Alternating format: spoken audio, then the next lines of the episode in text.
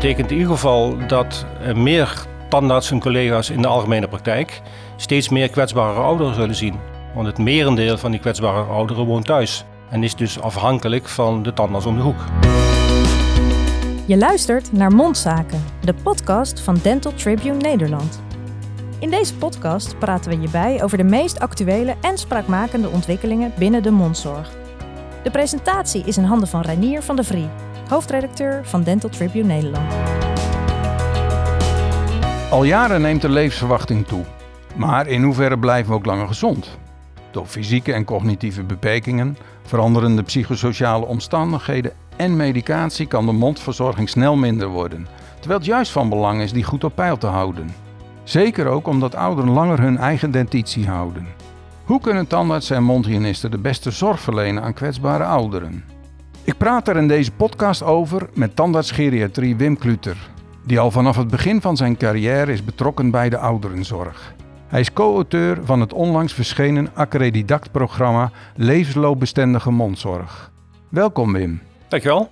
Wim, kun je zeggen wat verstaan wordt onder levensloopbestendige mondzorg? Ja, dat is best een, uh, een nieuwe kreet. Hè? Het heeft ook iets te maken zeg maar, met het jargon van duurzaam. Het is eigenlijk dat we willen dat mensen tot op hoge leeftijd een gezonde, ontstekingsvrije mond hebben. En dat er eigenlijk ook geen negatieve invloed is op de algemene gezondheid vanuit de mond. En een levensloopbestendig, dat komt ook uh, omdat mensen veel langer hun dentitie uh, houden, dat het ook langer nodig is om mondzorg te blijven verlenen? Precies. Ik zeg altijd van het eerste moment dat de boor in de tand gaat, is eigenlijk heel bepalend zeg maar, voor de restauratiecyclus die volgt. Dus alles wat je als standaard doet, elke interventie, ja, moet je bij nadenken van wat heeft dat voor consequenties voor op latere leeftijd. Maar de eerste boor, dat is al vaak op kinderleeftijd dat die uh, in de mond ja, is gegaan. Ja. Ja. er zijn collega's van mij die bestrijden dat. dat, dat maar ik, ik zie het wel zo van als je kijkt naar de levensloop van een, van een tand of van een gebitselement, dan begint dat toch al met het eerste carieus plekje. En de ene vulling, ja, vooral natuurlijk in het amalgaamtijdperk braken die kiezen af. Nu met composiet is het natuurlijk wat meer uh, gewaarborgd. Maar het is toch het begin van, van de achteruitgang en van een ja, een voorziening. En elke voorziening heeft uh, onderhoud nodig. En uh, ja, dat onderhoud is nou net wat zeg maar, op het einde van de levensduur, van de levensloop, uh, moeilijk wordt. Als mensen kwetsbaar en zorgafhankelijk worden. En dat ja. is eigenlijk het centrale thema van de cursus. Ja, nou daar komen we verder nog wel op, denk ik. Ja. Maar hoeveel kwetsbare ouderen in Nederland hebben we naar schatting? Ja, in absolute aantallen zijn het 750.000. Als je het procentueel ziet, is het ongeveer 22% van de 65-plussers. Je kunt ook anders zeggen, met 20% van die groep is kwetsbaar. 20% is zorgafhankelijk, dus in verpleeghuis of verzorgingsinstelling woonachtig. En het merendeel, 60%, is gewoon uh, vitaal. En dat aantal neemt, uh, denk ik, in de komende jaren met de vergrijzing nog uh, alleen maar toe, waarschijnlijk. Ja, we zien meer ouderen.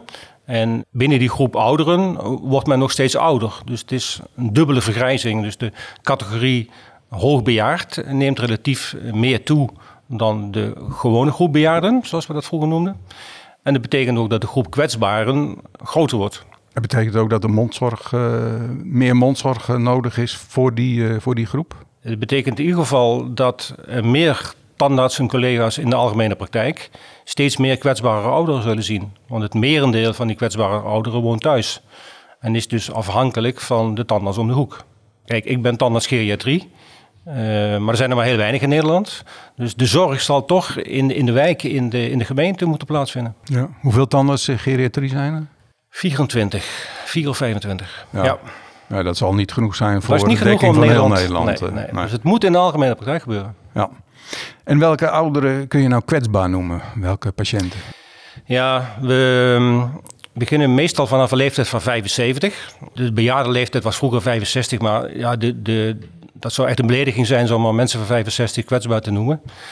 Uh, maar het hangt natuurlijk af van je medische situatie. Dus los van een leeftijdskenmerk is het kenmerk met name van hoeveel ziektes heb je, hoeveel medicijnen gebruik je, uh, hoe kwetsbaar ben je sociaal, psychologisch, uh, eenzaamheid, communicatie. Zeg maar. Ja, dat is een heel dynamisch begrip, dat, dat kwetsbaarheid.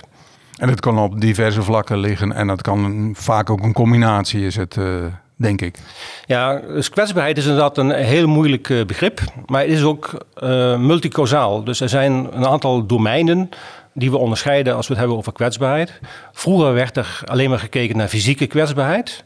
Dus hoe ziet het lichaam eruit? Maar tegenwoordig is, wat ik net al noemde, ook die sociale factor belangrijk. Ja, ben je eenzaam? Uh, hoe zijn je relaties? Heb je kinderen? Zijn er kinderen die voor je zorgen? Of juist kinderen in het buitenland? Zijn er kinderen overleden? Wat natuurlijk een, een psychisch effect kan hebben op je, op je gemoed, op je ja, levensvreugde. Hoe is het met je partner? Um, maar ook communicatief. En dat is ook weer een compenserende factor. Um, dus je kunt kwetsbaar zijn, maar je kunt er ook weer uitkomen als je uh, zeg maar, positief gedrag tegenoverstelt. Dus het is niet alleen maar negatief dat het naar beneden gaat. Maar je ziet ook mensen die krachtig zijn en veerkrachtig, mm -hmm. die dan weer zeg maar, toch een, een event zoals een overlijden van een partner kunnen overwinnen en daarmee ja, toch weer het leven kunnen oppakken. En niet in die treurnissen wegzakken of in uh, verwaarlozing bijvoorbeeld. Wat natuurlijk ook een hele grote kenmerk is voor, um, voor kwetsbaarheid. Als jij uh, mevrouw Jansen als standaard al twintig jaar in je praktijk hebt... en je ziet opeens dat, ze, dat haar kleding er uh, slordig uitziet... dat ze afspraken vergeet, dat ze afspraken afbelt... of dat ze opeens met de buurvrouw komt... dat ze van de buurvrouw afhankelijk is voor vervoer... Dat zijn allemaal rode vlaggen om te denken van... hé, hey, hier is iets aan de hand. En hoe kun je verder als zorgverlener nog uh, herkennen dat er kwetsbaarheid intreedt bij een patiënt? Ja, we hebben dus hier op de Radboud een aantal uh, factoren benoemd. Is de hoge leeftijd, 75 plus. Cognitieproblemen, dus op het moment dat er dementie of een predementie in beeld is. Mobiliteitsproblemen, multimobiliteit die gepaard gaat met polyfarmacie. Wat weer gevolgen heeft voor de droge mond. En zorgafhankelijkheid, dus afhankelijkheid van anderen. Het RIVM uh, heeft ook de definitie van dat mensen hun regie verliezen. Regie over hun eigen leven. En dat is op zich ook wel een hele goede definitie. En dat moet je als zorgverlener in de gaten kunnen hebben, neem ik aan. Ja. ja. ja. De cursus is daar met name bedoeld om daar oog voor te krijgen. En hoe krijg je daar meer oog voor? Ja, door dit soort dingen te letten, te, op te letten dat het bestaat. Uh, veranderingen zien, maar ook um, verbanden leggen tussen wat je ziet in de mond en uh, wat er met de, met de persoon gebeurt. Dus concentreer je niet op het gebitselement of op de mond, maar kijk ook holistisch naar de hele persoon. En heb je daar ook checklistjes voor of uh, afvinkenlijstjes hè, van, van de domeinen die je noemt bijvoorbeeld?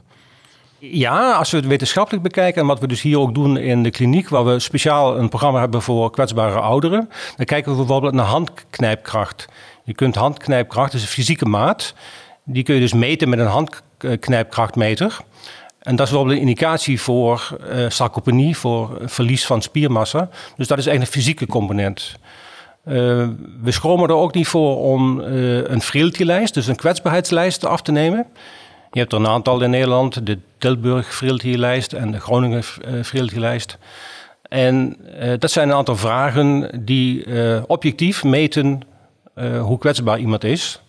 Het zal alleen in het begin voor een patiënt nog wel eens vreemd zijn als die dat soort vragen natuurlijk in de praktijk krijgt. Maar op zich, als je dat goed begeleidt, ehm, is er geen, geen schroom op.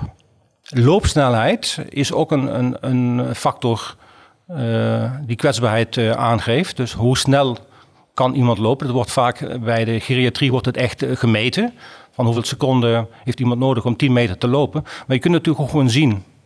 Ja, je kunt ja. ook zien hoe een patiënt binnenkomt. Als je de patiënt uit de wachtkamer haalt, dan kun je ook zien wat er aan de hand is. Is er een begeleider bij? Is er een dochter bij? maakt de dochter de afspraak? En dan is het misschien ook wel belangrijk om dat telefoonnummer van die dochter of die zoon te noteren omdat we vaak zien dat de kwetsbare mensen zeg maar, uit, uit oog verdwijnen van de tandarts. Of de mondgenist of de zorgverlener. En uh, goede gewoonte is om in ieder geval meerdere telefoonnummers te registreren in je praktijksoftware. Ja, en net als die knijpenbaarheid, hè? adviseer je dat dan ook een algemeen uh, practicus om hem dat uh, ja, te meten, zeg maar? Want dat is een vrij eenvoudig instrument, lijkt me. En dan kun je ook makkelijk zien in de tijd van uh, twee jaar geleden kneep iemand veel harder dan, dan nu. Ja. ja, het apparaat wat wij gebruiken is best wel duur. Dus ik denk niet dat, dat, ehm, dat het snel een intrede zal, zal zijn. Dus ja, het is voor wetenschappers een mooi instrument, maar ik denk nog niet echt toepasbaar in de, in de algemene praktijk. Nee, nee. Wat wel een, een rode vlag is, is bijvoorbeeld medicatiegebruik. Op het moment dat er meer dan vijf verschillende medicijnen gebruikt worden, dan zou ik al uh, aan kwetsbaarheid denken. Ja, en die vragenlijst.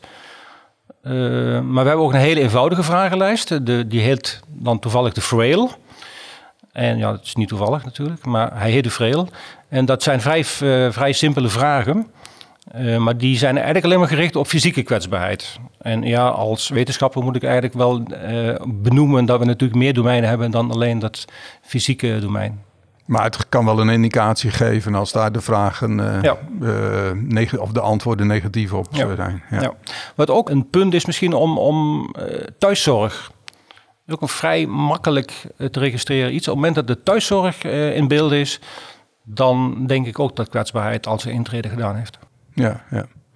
En wat zijn nou op het gebied van mondgezondheid de belangrijkste problemen voor, voor kwetsbare ouderen? Ja, ik denk dat we met name wortelkaries, uh, dat dat het grootste probleem is op die leeftijd. Wortelkaries kan natuurlijk alleen maar plaatsvinden als er een blootliggend tandoppervlak is, een recessie. Uh, dat is bij een gezonde oudere over het algemeen gewoon geen probleem. Hooguit wat sensibiliteit. maar op het moment dat de, de speekselsecretie minder wordt of men meer cariogene producten gebruikt, dan zie je natuurlijk of de, de reinigbaarheid wordt moeilijker. Mensen hebben moeite met schoonmaken, met poetsen. Ja, dan zie je wel wortelkaries ontstaan. En die kan heel ondermijnend zijn, waardoor de elementen ook gewoon afbreken. Dus daar moet je goed aandacht uh, voor hebben. En dat is ook weer een indicatie ook, uh, van kwetsbaarheid. Ja. En, en, zijn er meer problemen waar, uh, die vooral bij kwetsbare ouderen voorkomen? Droge mond, zei je al? Ja, ten gevolge van medicatiegebruik. Ehm, nou ja, eh, dus door dementie bijvoorbeeld, of beginnende cognitieproblemen, dat men vergeet de tanden poetsen of niet meer adequaat kan poetsen, dat er een bepaalde ja, onhandigheid is. Um, door depressieve gevoelens dat men niet meer belangrijk vindt. Maar ja, ik denk toch vooral ook medicatie.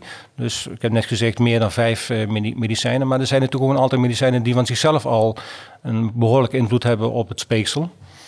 En ja, dat kan ook wel heel... Uh, negatieve invloed. Negatieve invloed hebben. Ja. Ja. ja. ja. Vervoersproblemen. Maar dan ben ik even de vraag kwijt. Maar ik denk wel dat de toegang naar de, naar de tandartspraktijk... zie je natuurlijk ook in die groep een beetje uh, ja, minder worden. En dat is natuurlijk ook een risicofactor. We ja. zagen dat ook door corona... dat heel veel ouderen zijn weggebleven in het tijdperk van corona. En die komen nu weer, zeg maar, uh, melden zich weer in de praktijk... Met ook uh, ja, behoorlijke achterstand en behoorlijke problemen. Dat is dan ook iets voor uh, de praktijk zelf om dat in de gaten te houden. En als iemand langere tijd niet komt, dan daar misschien contact mee op te nemen. Ja. Dus ik uh, verwijs daarvoor naar de KNMT praktijkwijzer ouderenzorg. Waarin je ziet dat inderdaad dat, dat opvolgen van, van uitval en het bijhouden van uh, telefoonnummers van naasten, dat dat gewoon heel belangrijk is om die uitval te vermijden. Maar goed, dan moet je dus iemand hebben in je praktijk die ook de moeite neemt om uitval te monitoren en op te volgen. Ja, ja, En het sturen van een sms'je of een, of een e-mail, dat is vaak in die doelgroep niet echt de meest praktische manier of adequate manier om dat te doen. Hoewel dan? Telefoon? Ja, vaak toch wel. Ik denk dat telefoon het beste uh, medium is. Ja. Vanuit welke filosofie of visie behandel jij nou uh, kwetsbare ouderen? Ja, ik noem het altijd een holistische filosofie. We hebben hier in het, in het onderwijsprogramma nu de decreet van eerst de patiënt en dan de mond. Ik zie dit hier ook in het studentenonderwijs. De studenten zijn heel erg gefocust op uh, problemen. Het gewoon echt helemaal inzoomen. bijna door de microscoop naar een element kijken. Dat doen ze liever, hè? maar dat, dat, ja, die endo door de microscoop, uh, dat hele technische verhaal van een mooi implantaat of een precisieverankering. En ja, ik kijk meer naar van nou, hoe kan de mens het, nou, sluit het aan aan de behoeften van de mens. In zijn algemeen natuurlijk. Hè, van, let ook op de hulpvraag van de patiënt. Mm -hmm. En besef ook dat al die constructies straks schoongehouden moeten worden. En vooral dan in mijn doelgroep, zeg maar, waarbij dat, dat onderhoud juist lastiger wordt. En misschien dan meer gericht op preventie en stabiel houden dan op uh, nou, uitgebreide of complexere restauraties? Niet alleen misschien, ik heb jou al goed meegekregen. ja, dat zijn de steekwoorden. Ja. Ja, preventie, onderhoud. Ja. En hoe maak je kwetsbare ouderen zelf duidelijk dat die mondgezondheid toch wel uh, belangrijk uh, blijft? Ja, dat is een uh, goede vraag. ten eerste zou ik nooit het woord kwetsbaarheid noemen tegenover die groep ouderen, omdat kwetsbaarheid heeft zeker een negatieve bijklank gekregen zeg maar, door de corona. Ze zijn weggezet toen ze kwetsbaar waren of als kwetsbaar. En mensen zien zichzelf ook niet als kwetsbaar. Dus ook al is men kwetsbaar, men ervaart het niet bij zichzelf. Dus je moet dan toch uh, problemen gaan duiden. Dus wat zie je in de mond? En ja, op het moment dat ze kwetsbaar zijn, is er dus een, een navrant verschil tussen zoals het vroeger was, zoals het gewend zijn, zoals het gebruikelijk was. En nu een nieuwe situatie. En die relatie, die moet je uitleggen. Die moet je aangeven. Er zijn veranderingen, zie ik. Uh, van uh, een paar jaar geleden zag het er nog zo goed uit. En uh, nu is het veel minder. En hoe komt dat? En wat ja. kunnen we eraan doen? En wat kunt u er zelf aan doen? Ja. Je kunt problemen benoemen. Hè. Dus vaak die droge mond. Die is heel goed herkenbaar. Dat ervaren mensen ook. Ja, we hebben natuurlijk nog een verschil tussen een droge mond en of het subjectieve gevoel, hè, wat we dan een droge mond noemen, en hypocyalie, daadwerkelijk het objectief aangetoonde verminderde speekselsecretie. Maar mensen hebben vaak wel, en dat, uh, die weten wel dat ze een droge mond hebben. Ja. Is er een betere term dan kwetsbaarheid dan? Uh, want het is inderdaad een beetje een negatieve beladen, term, een beladen woord ook. En als je zegt van ja, mensen hebben soms ook wel heel erg veerkracht om terug te komen. Uh, ja, hulpbehoevend of zwak, dat zijn allemaal van die begrippen die iemand echt in een uh, hoek eh, zetten van uh, je kunt het niet meer. Ja, het is een goede, ja, ik, heb er nog niet over nagedacht. Ik zit wel, ik noem wel eens latere levensfase of u, gaat een andere fase in, u krijgt andere problemen. Ouderdom mag je soms ook wel benoemen, soms ook niet. Hè? Mensen herkennen zich ook niet altijd als oud. Um, ja, voor mij als wetenschapper is kwetsbaarheid wel een hele duidelijke kreet, maar in de communicatie niet altijd even handig. Nee, nee, ik zal daar eens over nadenken, ja. Maar in de algemene zin uh, denk ik dat je... Uh, je vroeg van wat is je behandelde filosofie? Ik denk dat ik ieder persoon toch als een individu beschouw. En als je het over het individu hebt, over het, de patiënt die in je stoel zit... dan kun je dat soort termen best wel vermijden. En dan kom je met een gesprek, uh, kun je de problemen wel duiden. Ja, ja, Want kwetsbaarheid is eigenlijk misschien meer de groep die je benoemt. En het individu is natuurlijk toch uh, steeds anders. Ja. Ik heb dat in een ander verband ook wel eens genoemd dat jeugd. Um, jeugd is vrij homogeen. Die gedraagt zich zeg maar, vrij uniform. En juist met het ouder worden, worden mensen diverser. Dus je ziet het tussen de groep ouderen zie je hele grote verschillen. Dus wat ik eigenlijk doe de hele dag is schakelen. Ik, ik, ik tune in op de patiënt en ik praat met de, met de patiënt in zijn straatje of in haar straatje. En dat betekent dat je op dat moment al anticipeert op uh, wie je voor je hebt. En dan kies je eigenlijk je taalgebruik vanzelf. Ik praat ook met een, uh, met een agrariër, praat ik anders dan met iemand uh, waarvan ik weet dat hij op de radbouw werkt. Zeg maar. dat, is, ja, dat zit er een Gaat beetje automatisch in. eigenlijk automatisch, zo. ja. Dus in dat verhaal gebruik je ook andere woorden, andere klanken. Ehm, ja. En je vermijdt dat woord kwetsbaarheid. Waar moet een uh, mondzorgpraktijk of een mondzorgverlener nou rekening mee houden als een uh, oudere kwetsbaar wordt? Ja, los van de dingen die in de cursus staan, uh, waar ik natuurlijk graag naar refereer, denk ik dat je dit niet in je eentje moet, moet willen. Dus als jij opeens het licht ziet van God, ik heb Luther gehoord van we moeten nou een, een, een seniorvriendelijke praktijk gaan maken, dan moet je dat niet in je eentje doen. Je moet je hele team meekrijgen. Want het begint eigenlijk al met um, het eerste telefoontje uh, naar de balie, naar de receptie, om een afspraak te maken. Ik zie het ook bij studenten, die willen dan bijvoorbeeld uh, een ouder om acht uur afspreken. Nou, voor tien uur moet je de gemiddelde ouderen, zeker niet een kwetsbare ouderen, afspreken. Dus liever later in de middag uh, dan zo vroeg. Uh, houd bijvoorbeeld rekening met, uh, als mensen diabetes hebben, van wanneer ze moeten eten. Uh, besef dat als ze één afspraak op een dag hebben, dat de hele agenda gevuld is. Dus die, die, die Bali-assistenten, die moet zeker ook al um, besef hebben van god, wat voor categorie patiënt heb ik hier voor me. En wellicht moet ik daar meer tijd voor nemen. Die patiënten die behandel je niet in vijf minuten. De, de praktijk moet uh, ingericht zijn. Hoe is de ingang? Zijn er trapjes? Zijn er obstakels? Uh, hoe is de inrichting van de, van de wachtkamer? Zijn er comfortabele stoelen? Hoe is het met geluid? Staat er een discodreun of is er een zacht muziekje?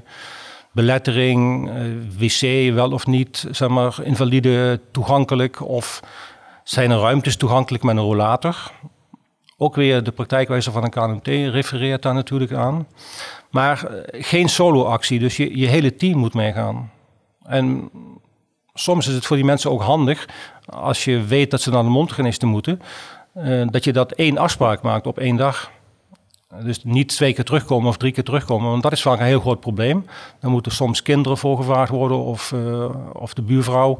En daar hebben mensen weer schroom op. Dus probeer een one-stop policy te, te, houden. Dat je zegt van nou, die ouder die kan op, uh, op die afspraak, wordt die, ja, worden alle, alle hulpvragen of alle behoeften zeg maar, voldaan. En ik plan zelf ook meer tijd. Ik weet dat het natuurlijk economisch niet echt uh, handig is. Maar desnoods aan het eind van de dag dat je, uh, dat je kunt uitlopen, dat je kunt rekening houden dat zo'n taxivervoerbedrijf, die zijn doorgaans niet op tijd. Dus er moet altijd iets flexibiliteit zijn in die, in die afspraak. Dus het is handig als uh, praktijk om er eens even apart voor te gaan zitten. Uh, hoe uh, gaan we met deze groep om? En Absoluut. hoe kunnen wij daar ja. ja. goed op voorbereid zijn ja. en die groep in de praktijk laten komen? Ja, dan moet je niet even morgen verzinnen. Dan moet je echt voor gaan zitten en ook je team meekrijgen. Want ja, ik heb toevallig affiniteit met ouderen, maar dat is, ja, je moet ook kijken hoe zit je personeel in elkaar en wil men dat? En ja, is men ook vriendelijk? Vind je dat uh, het misschien handig is dat uh, die groep naar bepaalde praktijken gaan die daar affiniteit mee hebben en niet naar praktijken waar die affiniteit minder is? Of zou dat eigenlijk niet moeten? Ja, het zou eigenlijk niet moeten. Maar ik, ja, ik weet natuurlijk een aantal collega's die hebben niks met ouderen. Een aantal collega's zijn uh, vrij commercieel ingesteld.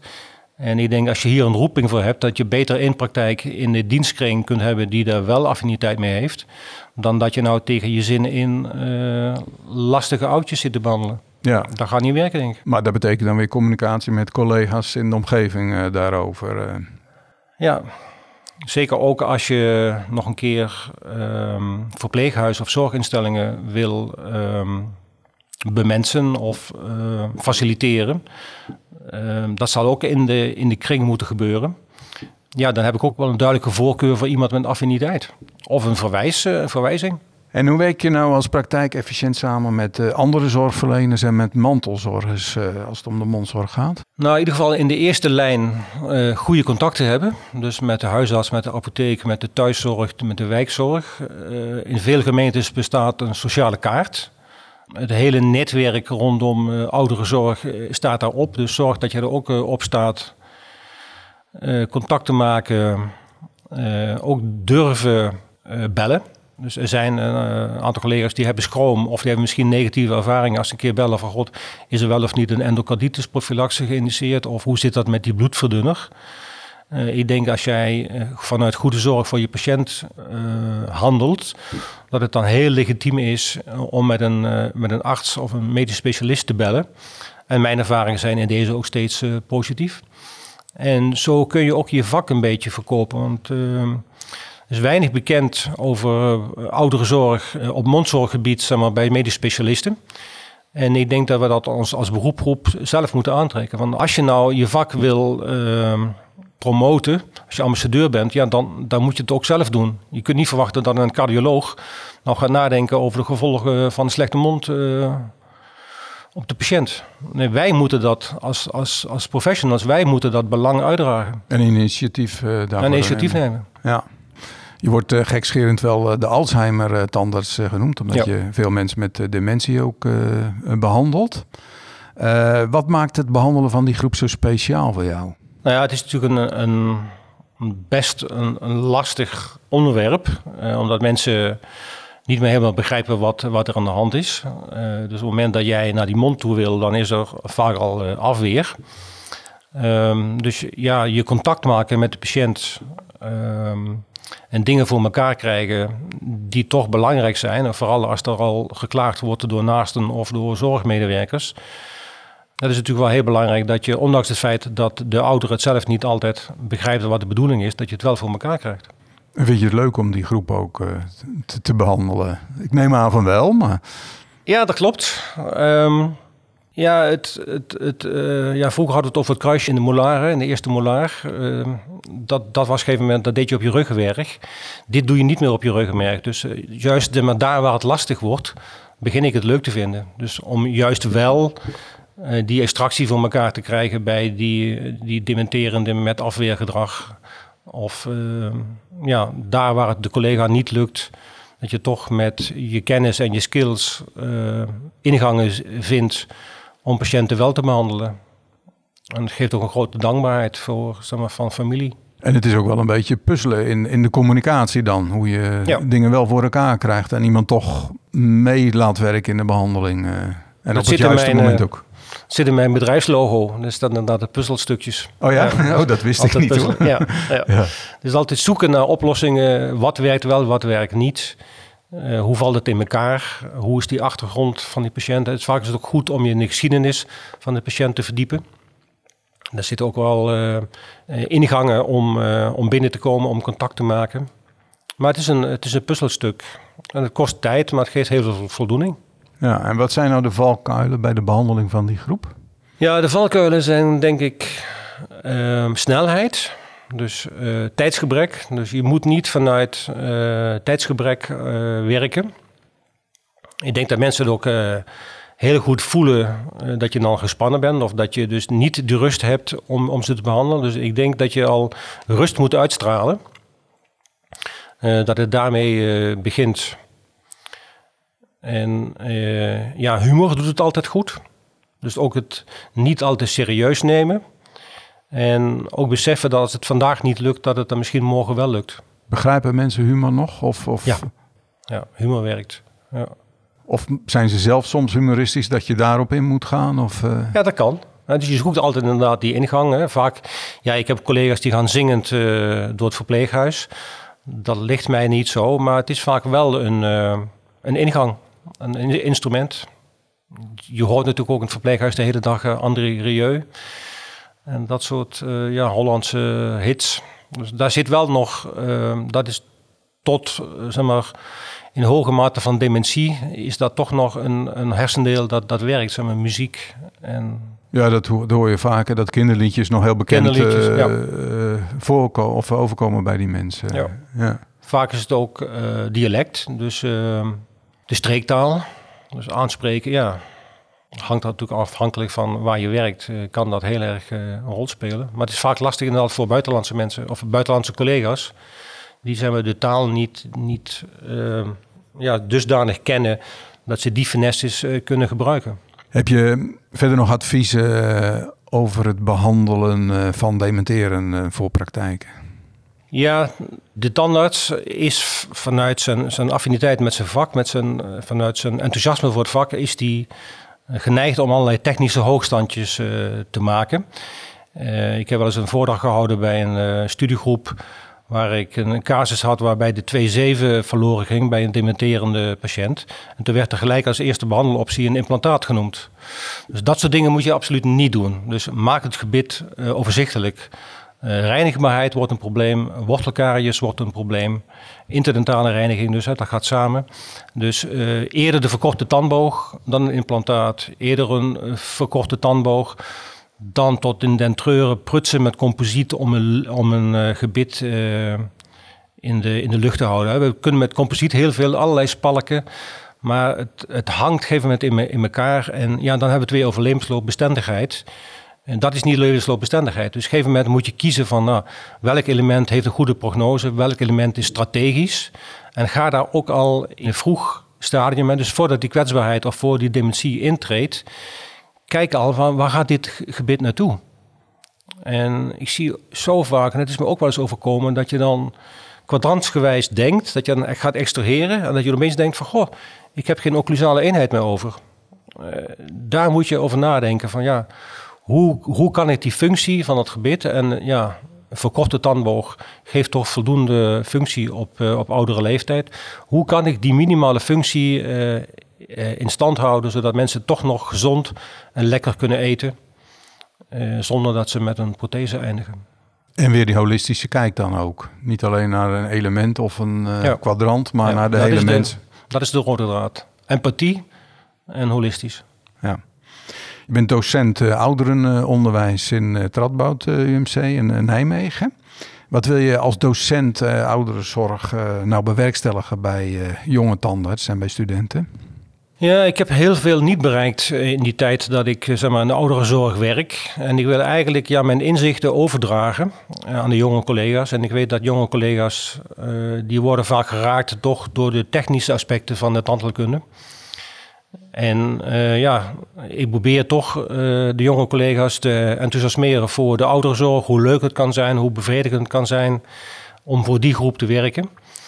En ja, ze eigenlijk ook een andere kijk eh, op, de, op de tandheelkunde te geven. Aspecten die we net genoemd hebben. van reinigbaarheid, voorspelbaarheid, maakt niet te ingewikkelde constructies. En ja, jonge collega's begeleiden in, ja, in onderwerpen die ze straks gewoon in de praktijk tegenkomen. Straks is 25, 30 procent van hun patiënten zal oud zijn. En ja, ze zullen daar toch anders moeten handelen dan, eh, dan bij jongere patiënten. En zeker ook een, een, een levensbeeld, een ervaring eh, ontmoeten die ze zelf niet kennen. Ik kijk heel veel mondzorgplannen naar die studenten opstellen. En een van de dingen die altijd eh, frappeert is dat ze dan bij een dementerende of een zorgafhankelijk iemand. eh, dan constateren ze dat er veel plak aanwezig is in de mond. Dus dan wordt er gelijk al gesproken over slechte mondhygiëne en een slechte lifestyle. Terwijl, ja, dementie is geen lifestyle. Het is, ja, je kijkt naar de ziekte, kijkt hoe komt het. Het is niet dat iemand niet gemotiveerd is. Er zijn hele andere mechanismes. Dus die manier van denken, eh, ze introduceren in een verpleeghuis, eh, ze meenemen eh, naar mensen thuis, dat ze zien van god, kijk, daar komt die patiënt vandaan. Het kost hem zoveel moeite om in mijn tandartspraktijk te komen. En als ik hem dan afpoeier met een consult van vijf minuten, dan werkt dat niet. Vind je weerklank bij studenten? Ja, studenten zijn studenten. Hè. Dus een aantal studenten die moeten gewoon vinkjes zetten om af te studeren. Maar er zijn ook een aantal die inderdaad wel geraakt worden door het, eh, door het vak. Het vak van ouderenzorg. Maar het is niet mainstream. Nee, nee. Maar het zijn er elk jaar een paar. En ja, dat zijn weer... eh, ja, dat is winst dat we het vak eh, kunnen uitbreiden. Heb je tot slot nog eh, drie belangrijke tips voor eh, het eh, behandelen van kwetsbare ouderen in de mondzorgpraktijk? Ja, als ik tips moet geven in dit kader, dan is het natuurlijk het ontwikkelen van die voelsprieten. Van ga alert zijn op wanneer mensen kwetsbaar worden. Er is altijd een kantelmoment tussen vitaal, een robuust eh, naar kwetsbaarheid. Eh, daar, daar kun je voelsprieten voor ontwikkelen en dat heeft zeker invloed op je behandelplan. Ten tweede, zorg ervoor dat de dentitie altijd overzichtelijk blijft en reinigbaar. Dus maak niet al te ingewikkelde constructies of bouw die af op het moment dat die kwetsbaarheid eh, intreedt.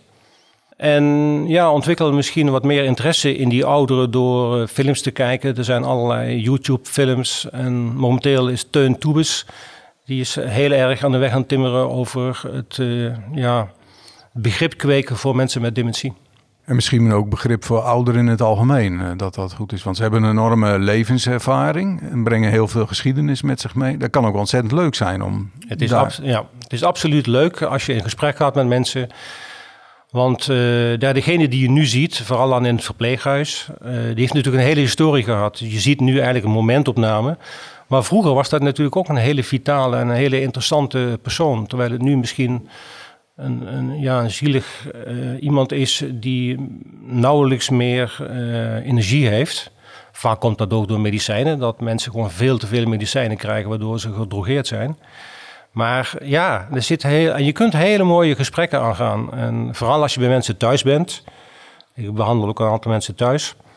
En ja, steeds meer mensen in een verpleeghuis hebben ook een thuissituatie, omdat men kleinschalig woont. En dan zie je foto's en dan zie je familie, dan zie je kleinkinderen, zie je hobby's. Ja, dat zijn altijd eh, hele leuke eh, gesprekken. En ervaringen inderdaad, wat je zegt. En ik denk dat de oudere collega's dat wel herkennen onder ons. Ja. Heb jij verder nog eh, dingen die je zou willen toevoegen in deze podcast?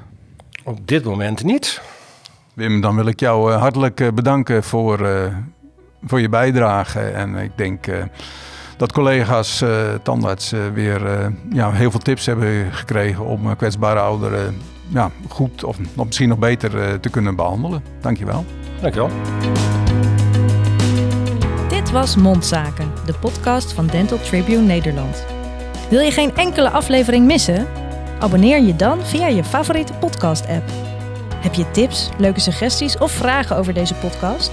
Stuur dan een mailtje naar redactie@dental-tribune.nl. Voor ontvangst van onze krant of online nieuwsbrief kun je je aanmelden op onze website www.dental-tribune.nl. Graag tot de volgende podcast.